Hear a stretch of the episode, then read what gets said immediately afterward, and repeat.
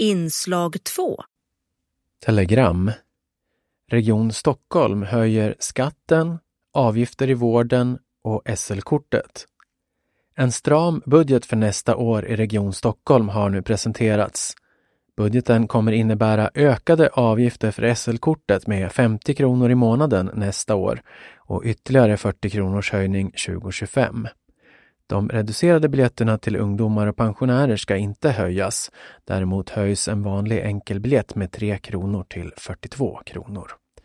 Och det ska bli högre avgifter i vården också. Ett vanligt besök på vårdcentral kommer kosta 275 istället för 250 kronor som idag. Besök på närakuterna höjs till 375 kronor.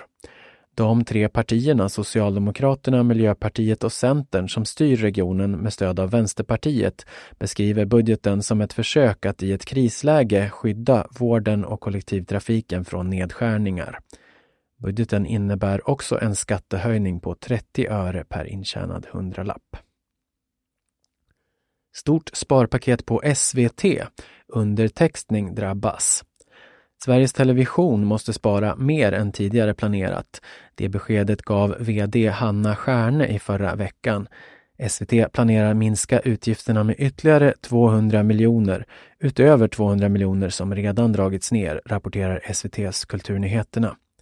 Mellan 70 och 80 tjänster kommer att försvinna. Stockholm är den ort som tar största delen av neddragningen, som är så pass stor att den kommer märkas på flera sätt. Detaljerna är inte helt klara, men bland det som nämnts är att live-textningen kommer att bli helt automatisk för att minska på personal.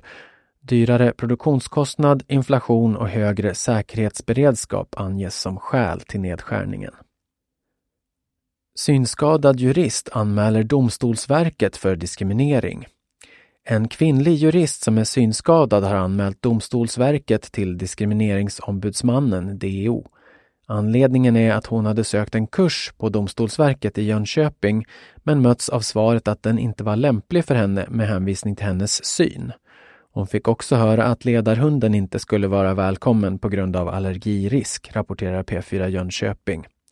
Juristen skriver i sin anmälan att hon pressats att hoppa av utbildningen och att det här är droppen efter att hon i många år bemötts som ett problem.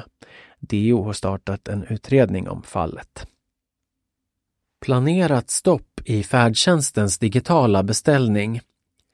Färdtjänstens kundservice meddelar att det kommer ske ett underhållsarbete i bokningssystemet till helgen.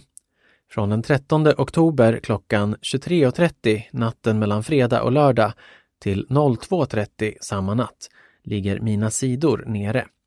Under den tiden kan du inte beställa bil på bokningssidorna för färdtjänsten i appen eller på webben.